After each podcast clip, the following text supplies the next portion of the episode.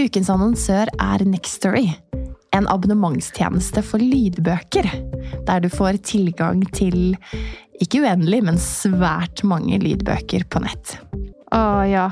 Et helt univers, rett og slett. For meg har det passet perfekt nå i vinterferien. For da har jeg hatt ekstra tid eh, til å gå lange turer og lytte til bøker. Og så har jo vi en date i kveld, eh, Ingvild. Eh, vi skal på teater og se Anna Karenina. Så da bestemte jeg meg for å bruke Next Story for å lese gjennom den på nytt.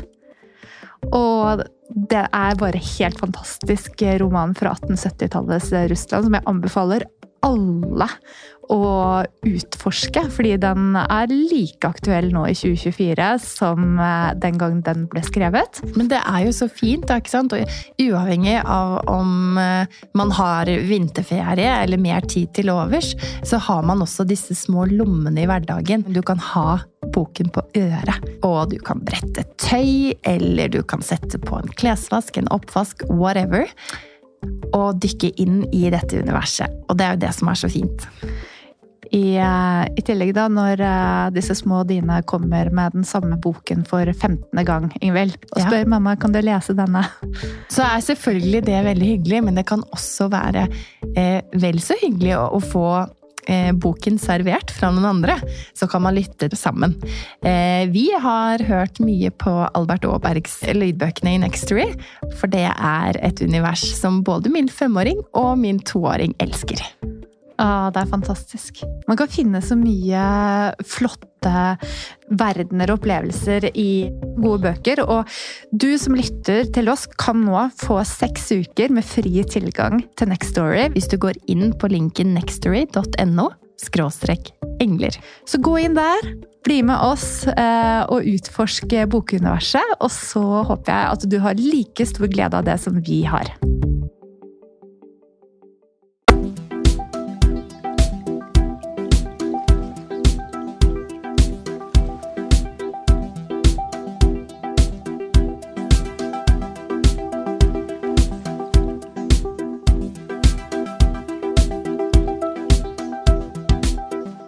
Velkommen til Engler og hormoner. Inspirasjon og ny kunnskap om helse, selvutvikling og livsstil.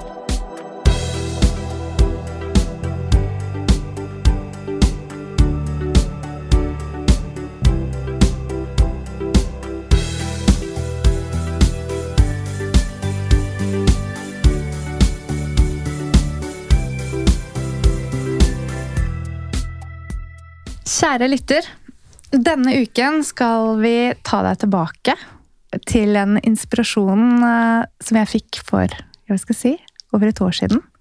Når jeg leste din artikkel, Marte, i Harvest magasin. Og den handlet om resilience. Eh, som er på en måte et type buzzword, kanskje, vært. Eh, men eh, ingen har satt ord på det på norsk på måten som du gjorde den gang da. Og endelig så sitter du her sammen med oss. Hjertelig velkommen til studio. Å, takk for at jeg fikk komme. Vil du fortelle lytterne våre hvem du er? Ja. Eh, jeg heter da Marte Garman. Jeg er eh, Jeg har bakgrunn som fotograf og eh, journalist og redaktør. Og i tillegg så har jeg tatt ja, dypdykket i mye livsstilsstoff. Både gjennom jobben, men også av egen interesse. Og så har jeg gått dette resilience-kurset som en del av en coachingutdannelse. Ja. ja.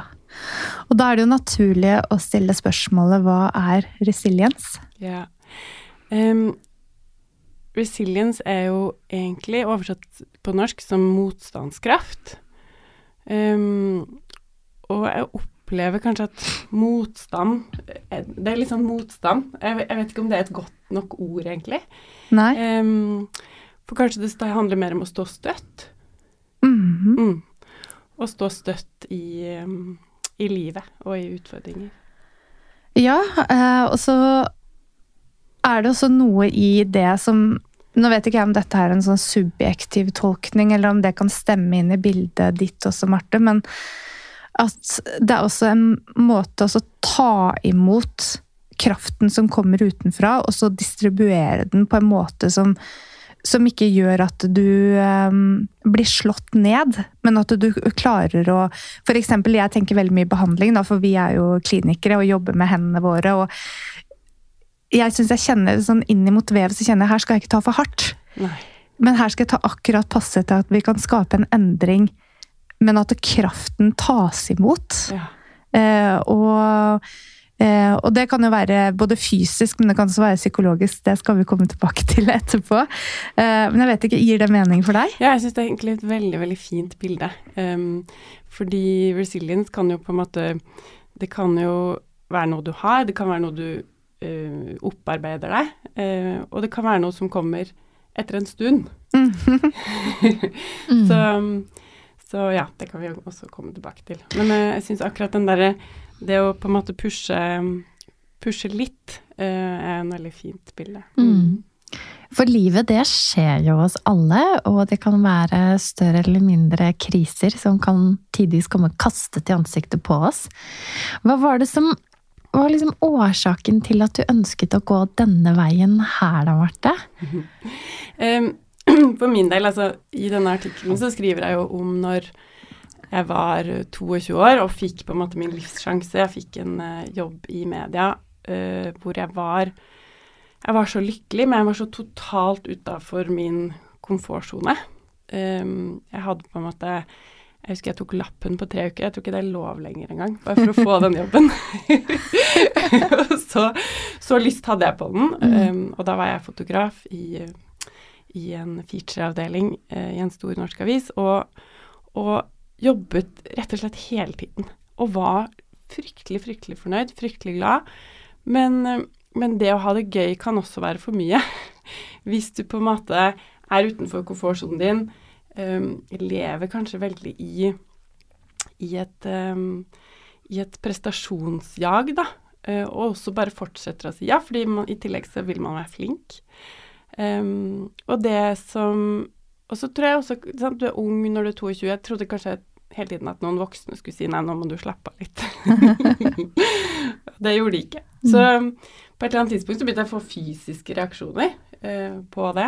Uh, men hadde egentlig ikke noe verktøy. Følte ikke at det var så mye sånn fokus på, på, yoga eller pust sånn på begynnelsen av 2000-tallet. Um, eller andre typer ting. Så, så jeg Jeg bare kjørte på. Og til slutt så, så ble jeg rett og slett det som kalles Jeg vet ikke om det kalles utbrent, men det var rett og slett det ble liksom tomt. Og det var en ganske sånn uh, brå læring, fordi da stopper egentlig alt litt sånn opp, og du mister på en måte sånn at Jeg har alltid vært jeg er, jeg er, et veldig sånn menneske som liker å være kreativ, liker å være sosial, og plutselig så, så, så var jeg ikke det lenger. Så da måtte jeg virkelig slappe av over ja, ganske lang periode. Um, men jeg hadde ikke så mye perspektiv på det da, men så skjer, skjer det igjen.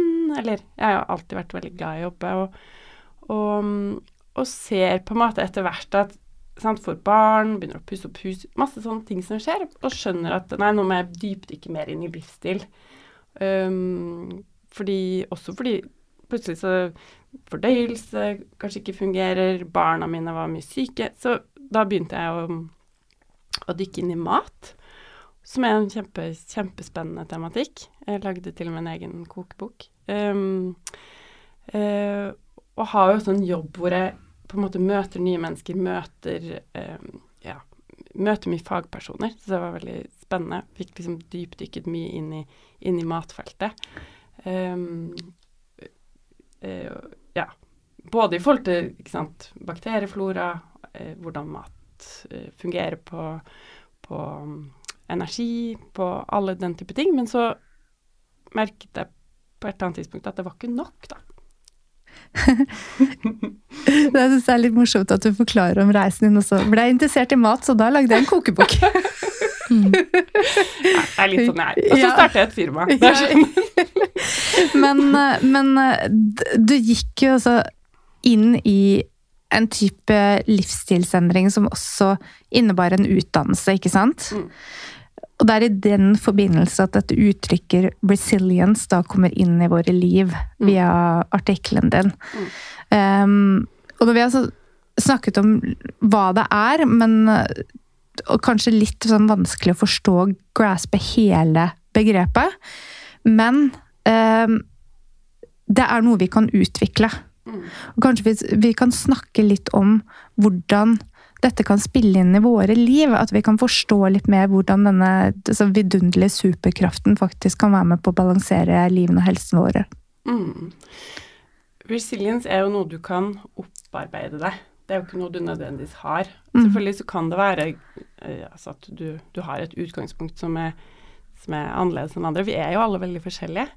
Um, og man har den bakgrunnen man har, man har den familien man har, og man opplever de tingene man opplever. Um, og, og i, de, i de krisene man kanskje opplever, eller i de um, punktene i livet som, som, kanskje blir litt ekstra vanskelige, da, så har man noen valg. Uh, og hva man gjør i disse valgene, uh, handler veldig mye om hvordan du bygger resilience. Ja. Um, så jeg var kanskje ikke så så resilient når jeg da gikk på denne lettveggen, fordi det jeg da burde ha gjort, var jo å ta meg inn igjen, ikke sant, i Mm. pausene, Ja. i mye større grad. Uh, fordi det å bygge resiliens handler jo om å lage seg en verktøykasse som, som handler om, om måter du tar deg inn igjen på når ting er ganske sånn ekstremt der ute. ja. Mm. Blir det riktig å kalle det for et type psykologisk immunforsvar? Ja, absolutt et psykologisk immunforsvar, men det handler jo mye om kroppen. Mm. Sant? Og kanskje spesielt hvis man øh, øh, Hvis det handler mye om hodet, ikke sant. At man, at man, øhm, at man er redd, eller hvis man er ja, hvis, hvis, hvis, det, hvis man jobber veldig mye mentalt, f.eks., så kan jo det å jobbe med kroppen være ekstremt viktig. ja. Mhm. Og så alltid så er det er jo ikke alltid at det er en, en harmoni heller i det som skjer i tankene våre og det som skjer i kroppen. Det kan ja, disharmonere og faktisk være i ganske reell konflikt med hverandre, selv om man så gjerne ønsker og vil i Ja. tankene. Og så er det også hvordan kroppen formes da, etter livet du lever. Og det er jo ikke bare trening og arbeidsstilling som er med på å forme kroppen vår, men også stress over tid Ja. eh, vil jo påvirke helt spesifikke punkter. Så da kanskje det er riktig også å gå til kroppen for å hjelpe på å bygge denne verktøyskassen som er psykologisk. Mm. Mm. Absolutt. Og sant, i, min, i min historie, da, når du begynner med mat, og så merker du at ok, men det handler faktisk kanskje mye større grad om stress, og så begynner å se at ok, men altså disse kroppslige symptomene handler jo faktisk om at jeg ikke puster nok, Mhm. og at jeg ikke puster ned i magen, som igjen um, går på fordøyelse. Så alt henger jo sammen. Ja, du kan spise hvor mye gurkemeie du vil. Ja. Ja. Men puster du ikke ned i magen, så, så hjelper det ikke så mye. Nei, litt av alt, ikke sant? Ja. Men hvilke verktøy er det du fant på din reise, da? Hvem er det som inspirerte deg? Du, jeg ble veldig det, det fine er at jeg har vært veldig mange ja, veldig mange steder. Gjort mye forskjellig. Alt fra pust, eh, pusteteknikker, eh, yoga, eh, risteyoga Altså prøvd mye forskjellig, også fordi jeg syns det er spennende. Gøy. Mm. Men egentlig til syvende og sist så kom jeg igjen tilbake med en ganske enkel verktøykasse. Um, som handler veldig i veldig stor grad om å, å velge Å velge ting som gjør meg glad, rett og slett. Og så er det visse ting hos meg, og så kan det være andre ting hos andre. Men for meg men, men det handler faktisk også om å gjøre ting som kanskje ikke nødvendigvis er godt der og da. F.eks. isbading er fryktelig deilig og godt i forhold til å bli resilient. Men eh, de første gangene jeg gjorde det, det var jo ikke noe som jeg syntes var så gøy. Det kommer jo etter hvert. Um, Nå ser jeg på Mona, for Mona hater isbading. Så hvis det er Det skal eh, i hvert fall være over 20 grader, og 19 grader det er altfor kaldt. Og det er akkurat det. Og det passer ikke for alle, så alle må jo lage sin verktøykasse. I min verktøykasse kan jeg godt ha isbading, Mm. og så må du ha noe i, i din. Noe annet i din. Badstue. Ja. Ja, det har jeg i min. Mm. Ja. Så det som på en måte sparks joy, det må man jakte litt mer på. Man må jakte litt mer på det, også, men også kanskje at det er ting som du ikke nødvendigvis liker der og da. Det, det samme med trening. Du kan jo på en måte kjenne at ja, det, det er godt for deg, men du har kanskje ikke alltid så lyst. Så det handler jo også om å lage et, et lyst... Eh, et lyst, eh, ja, lystmønster da, rundt de tingene du faktisk kjenner gjør deg godt både på kort og lang sikt. Ja, ikke sant. For det- Følelsen det det, etterpå ja. også er ja, eh, verdifull. For du kan ha en, en verktøykasse som handler om å spise iskrem og se på Netflix, men den, den gjør deg kanskje ikke så godt på sikt, så, så du kan kanskje ha to verktøykasser, da. Ikke En med, en med is og godteri og Netflix, og en som er litt sånn langsiktig. Ja. det er eh, Det er sånn morsomt fordi det, det er mye seriøsitet i dette begrepet, og det er veldig mye som inngår i det, og noen av det er kanskje litt mer sånn enkle valg. Ja. Eh, mens um, når livet virkelig skjer, da, det er jo det du snakker om, å gjøre valg når man står i krise. Mm. Eh, at man kan utvikle en form for resilience i det. Har du noen eksempler på hvordan det kan se ut? Jeg har um, Jeg vet ikke om dere kjenner til en uh, mann som heter Peter Levine? Jo. Ja. Mm. Som har skrevet en bok som heter uh, 'Waking the Tiger'. Mm. som jeg syns er en veldig spennende bok. Uh, og, og en av de modalitetene som jeg har jobbet mye med i mitt liv, handler jo om, om på en måte bevegelse. ikke sant? Risting og dansing, eller få på en måte ut, ut um, kanskje energi, eller hva du skal kalle det, som har på en måte satt seg i kroppen eller psyken. Som du bare kjenner at nei, det her, det her må faktisk trenger en bevegelse. Og jeg hadde et eksempel faktisk med datteren min. Hun er um, 20, og hun hadde, um, hadde hatt en ganske uh, voldsom krisesituasjon i jobben sin. Og så kom hun hjem, og så gikk vi gjennom en del steg som jeg da hadde lært, og som jeg visste om var godt i en rett og slett akutt krisesituasjon.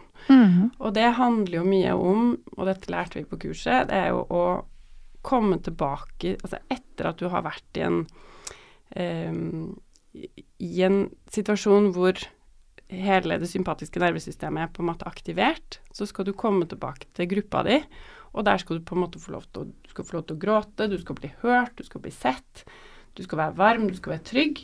Og så er det et eller annet med å også få et utløp for den, spesielt hvis du har vært i en fryssituasjon, hvis du Mhm. ikke har klart å reagere, og faktisk få et fysisk utløp. Enten at du Da satt vi faktisk på noe musikk og dansa.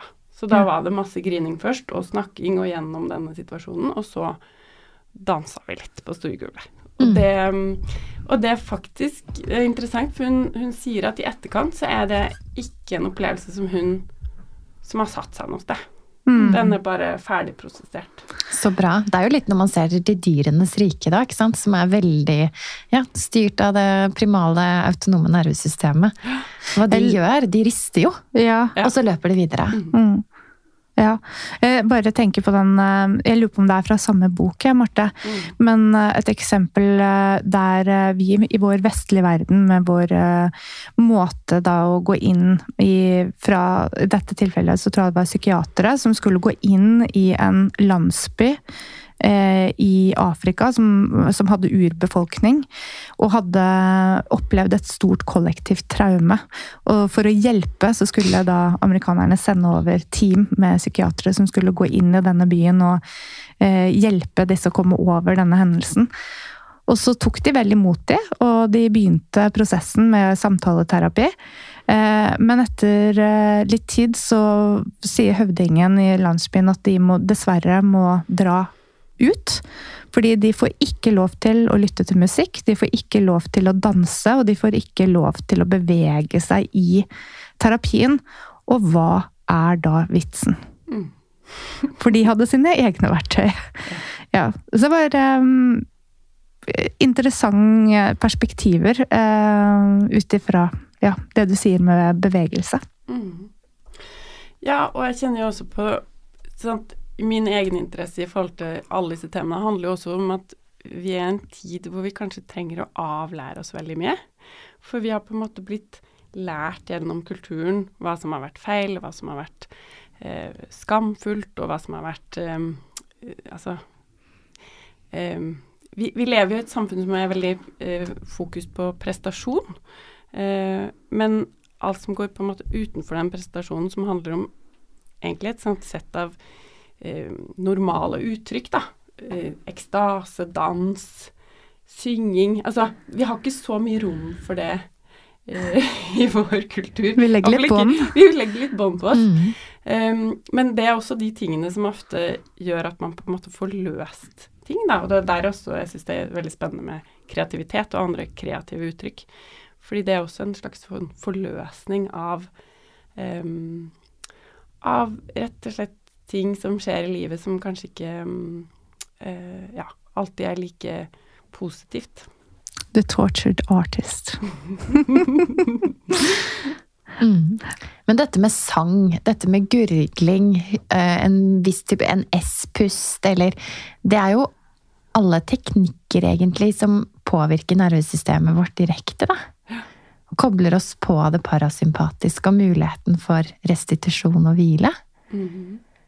Bruker du noe For jeg får litt sånn også assosiasjoner til det å måle pulsvariasjon og det å jakte på en måte akkurat dette her med hva er det som får meg inn i, i um, restitusjon, da. Eller aktiv hvile. Eksempel isbading eller dans eller andre ting som er Bruker du Ja.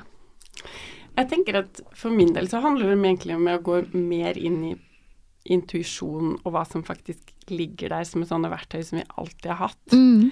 Og jeg tenker at, eh, at det å være i natur, f.eks., det å danse, det å være, ville være en del av en gruppe, eller å uttrykke seg kreativt gjennom sang eller andre typer kreativt Altså, for meg så er det så naturlig. Det er egentlig, egentlig slik vi er skapt, tenker Mm. jeg. Så alt det andre Det er derfor jeg tenker vi må avlære oss. Fordi egentlig ligger alle disse tingene så naturlig for oss. Hvis du ser på barn, så er jo det på en måte å leke, f.eks. Bearbeide hendelser gjennom lek. Um, eller bevege seg, er jo en veldig sånn Ja, det er sånn vi er skapt. Mm. Mm. Ja. Og vi finner det jo i noen ting i samfunnet, da. Jeg så for meg en fotballsupporter som eh, sto og hoppet og danset og sang eh, sammen med alle supporterne på Ja, en ja, ja. eh, kamp. Det er kjempeekstase. Det er Ja. helt fantastisk. Ja. Ja. Um, ja, så, så alle må på en måte finne sine verktøy. Det er jo et eller annet å finne ut av hva er det som gjør du ja, akkurat deg glad, da. Mm. Mm. Men når vi er- inne på sånn traumatiske eh, opplevelser, da. Eh, som en krise, for eksempel, eller stress over lang tid. Så så, så jeg at du- man skiller bort den posttraumatiske stresset, og kaller det istedenfor posttraumatisk vekst. Og der tenker jeg, så er det der de verktøyene dine kommer inn, Marte? At man kan snu situasjonen? Ja. Um, og den posttraumatiske veksten, den kan jo Sånn som med datteren min, da. Der kom den på en måte med en gang. mm. Men den kan også komme mye senere. Og mange av oss har jo um, sikkert opplevd ting i barndom eller ungdom som ikke eh, Som noen kan kalle traumer, andre ikke. Noen opplever jo ekstremt traumatiske ting. Men eh, det handler jo veldig mye også om hvordan man eh, oppfatter det selv. Men, eh, og så får man et behov kanskje for å bearbeide det senere i livet. Kanskje Mm. selv om man får barn, eller um, Så det er aldri for sent med denne posttraumatiske veksten. Mhm. Den kan jo egentlig komme når som helst. Uh, og den handler jo om å rett og slett bearbeide de tingene som har skjedd, sånn at man ikke lenger oppfatter det som en trigger. Ja, å, det høres jo greit ut, men i praksis så er det kjempevanskelig. Ja. Hvordan går man inn i det? Altså, jeg, jeg har et veldig enkelt verktøy som jeg syns er faktisk det enkleste. Og det er et verktøy som heter Sensing and Observing. Og som handler faktisk om å kjenne etter hvor sitter denne følelsen i kroppen. Og så er det jo utrolig viktig å ikke dømme verken seg selv eller følelsen.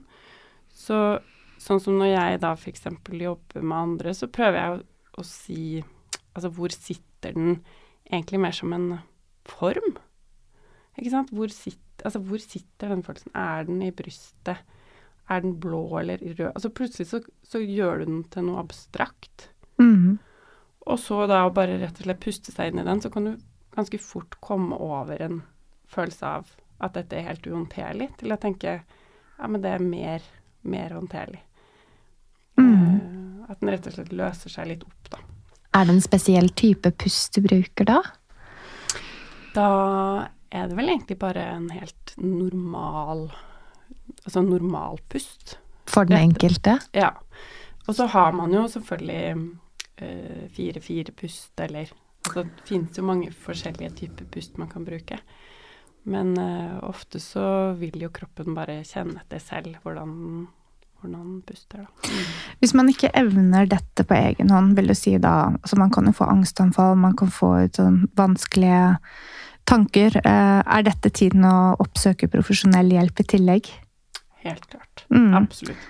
Jeg tenker at, eh, at det finnes så mye flinke behandlere der ute, og vi er skapt for å hjelpe hverandre. Mm. Utrolig viktig å få hjelp. Ja.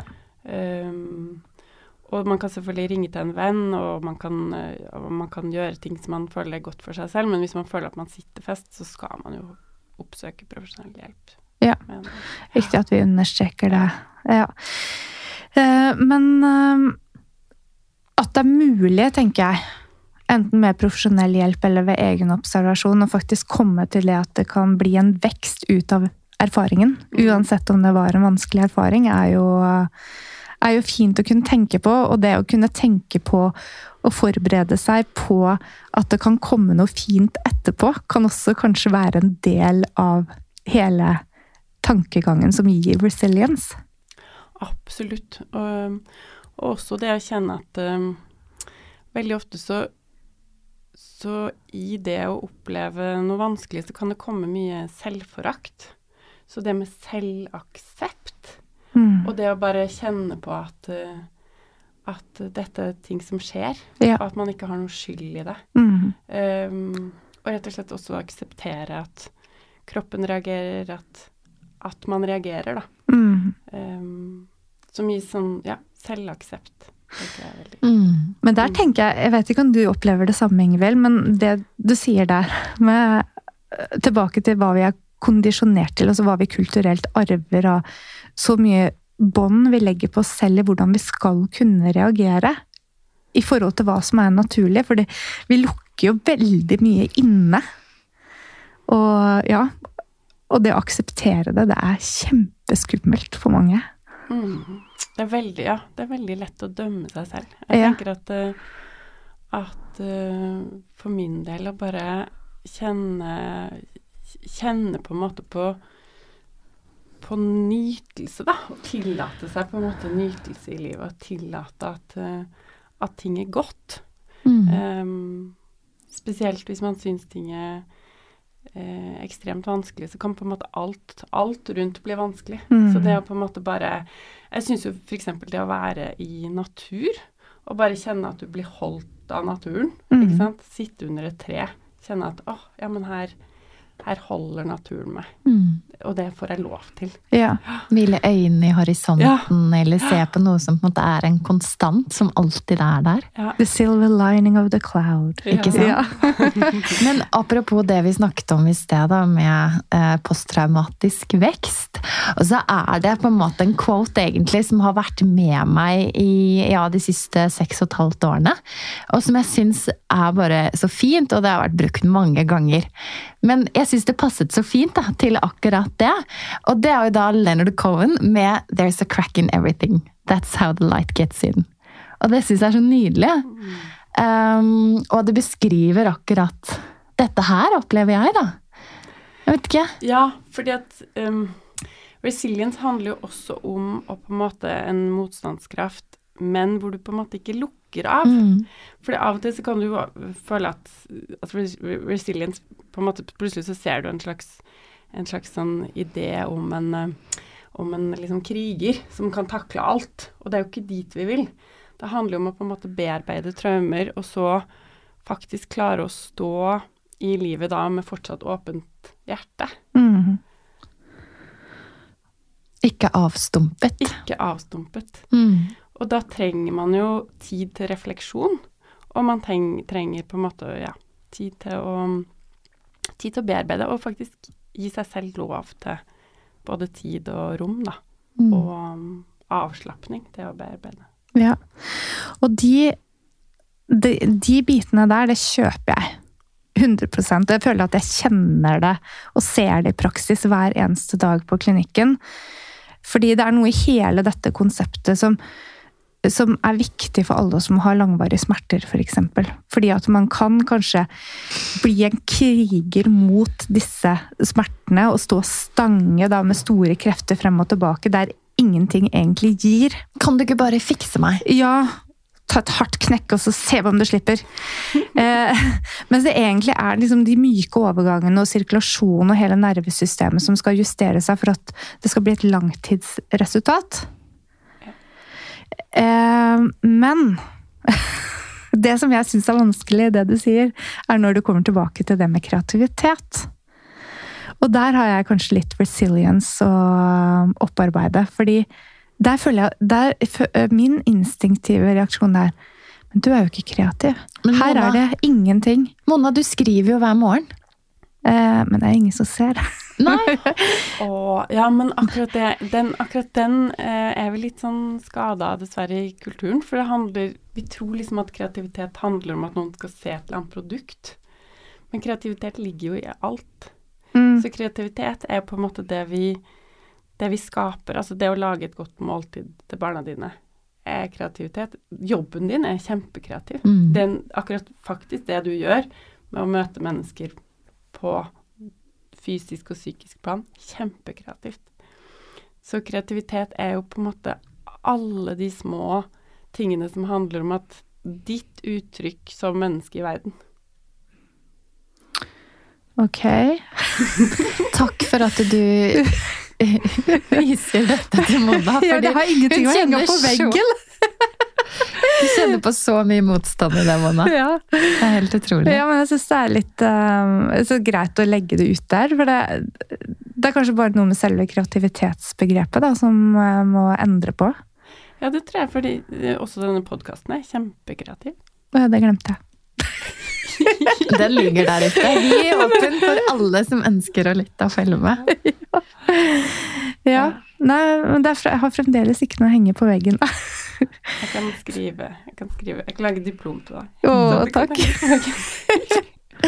Nei, men, men, er det Det er kanskje bare jeg som tenker sånn, eller er det, er det vanlig å misforstå kreativitetsbegrepet? Um, jeg tror det er veldig mange som misforstår kreativitetsbegrepet. Uh, og og tenker at jeg er ikke kreativ. Og mm. det er veldig synd, fordi alle barn er kreative. Vi er kreative vesener.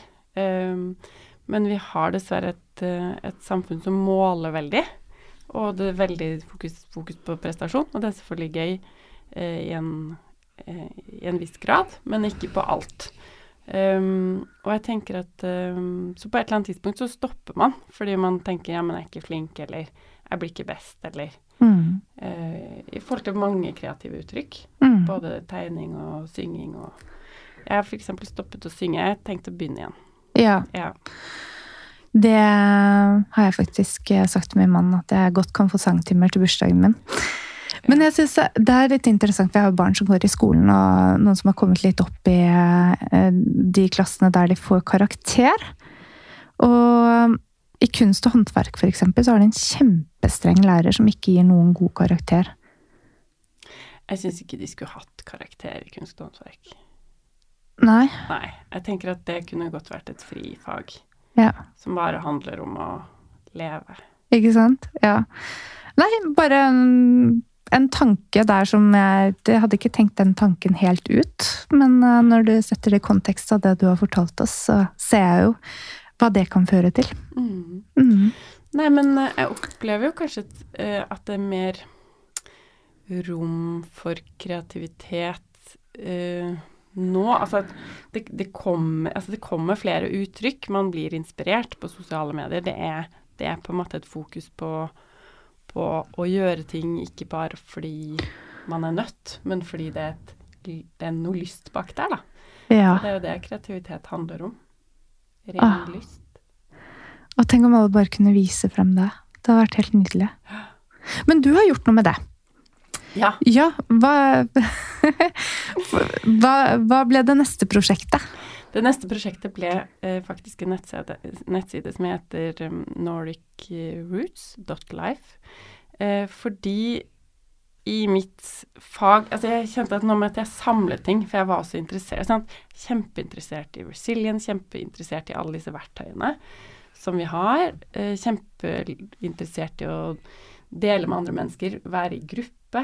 Um, gruppearbeid, og, men også veldig, veldig interessert i natur og alt kreative man kan gjøre med natur og mat, da, som har alltid vært med meg. Så da, på denne nettsiden, så prøver jeg å, å samle alt.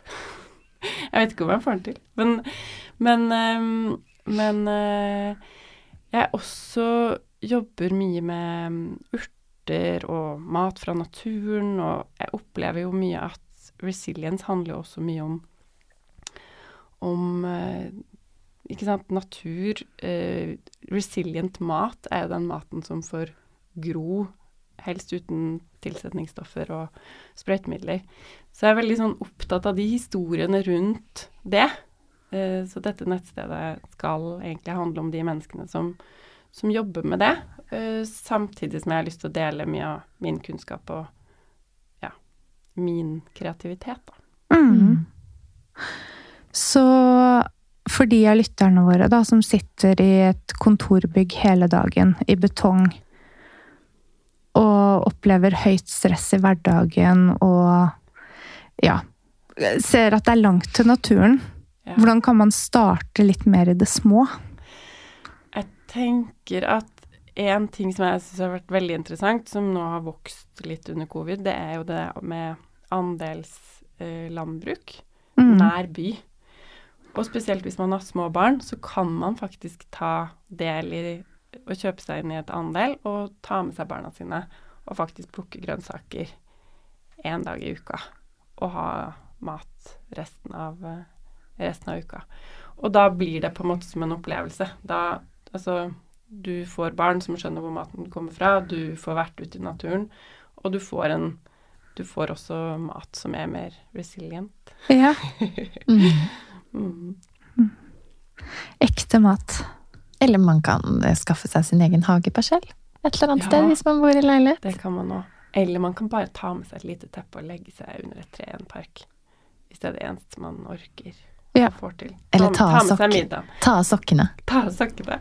Mm. Ta med seg middagen. Jeg husker jeg, Nå bor jeg litt utenfor byen, i, så jeg har mer tilgang på natur. Men når jeg bodde midt i byen, så hadde jeg jo veldig mye mange uker hvor jeg bare tok med et lite teppe ut i en park og bare var i natur. Ja. Nydelig. Mm. 20 minutter i naturen hver dag. Det er evidensbasert, forskningsbasert. Det er vist å redusere stress ganske betydelig. Mm. Mm. Skogsbading. Skogsbading. Så det er så veldig god stemning her nå. Jeg føler Ja, at du landet oss sånn utrolig bra, Marte. Ah, ja. Hvordan, eh, hvordan kan vi gi dette tilbake til lytterne våre sånn i noen enkle takeaways fra deg, sånn avslutningsvis? Eh, jeg tenker jo at det å faktisk tegne den lille verktøykassa si kan faktisk Litt sånn fysisk, den trenger ikke å være pent tegna. Og så skrive inn alle de tingene man faktisk blir glad på lang sikt. Ja. Ja, faktisk de, de tingene man blir glad av, liksom, som man gjør en godt. ja. Og bare så man husker på det litt. Litt sånn samla. På lang sikt, først og fremst. Ja, eller man blir jo kjempeglad av å drikke vin med vennene sine, men det er kanskje ikke det viktigste verktøyet i verktøykassa på lang sikt, da. Nei. Selv om man må gjøre det òg. Ja. Jeg har faktisk en veldig, veldig fin vennegruppe. Um, og det vi gjør, det er at vi av og til så har vi en sånn liten badstue også ved siden av et lite rom, og der danser vi om morgenen. Og så går vi og tar badstue, og så bader vi, og så begynner morgenen. Så fint. Det er veldig fint. Veldig lav terskel. Mm. Så da er det opp til deg, da, kjære lytter, å finne dine gleder som gir deg glede, da helst på lang sikt. Mm.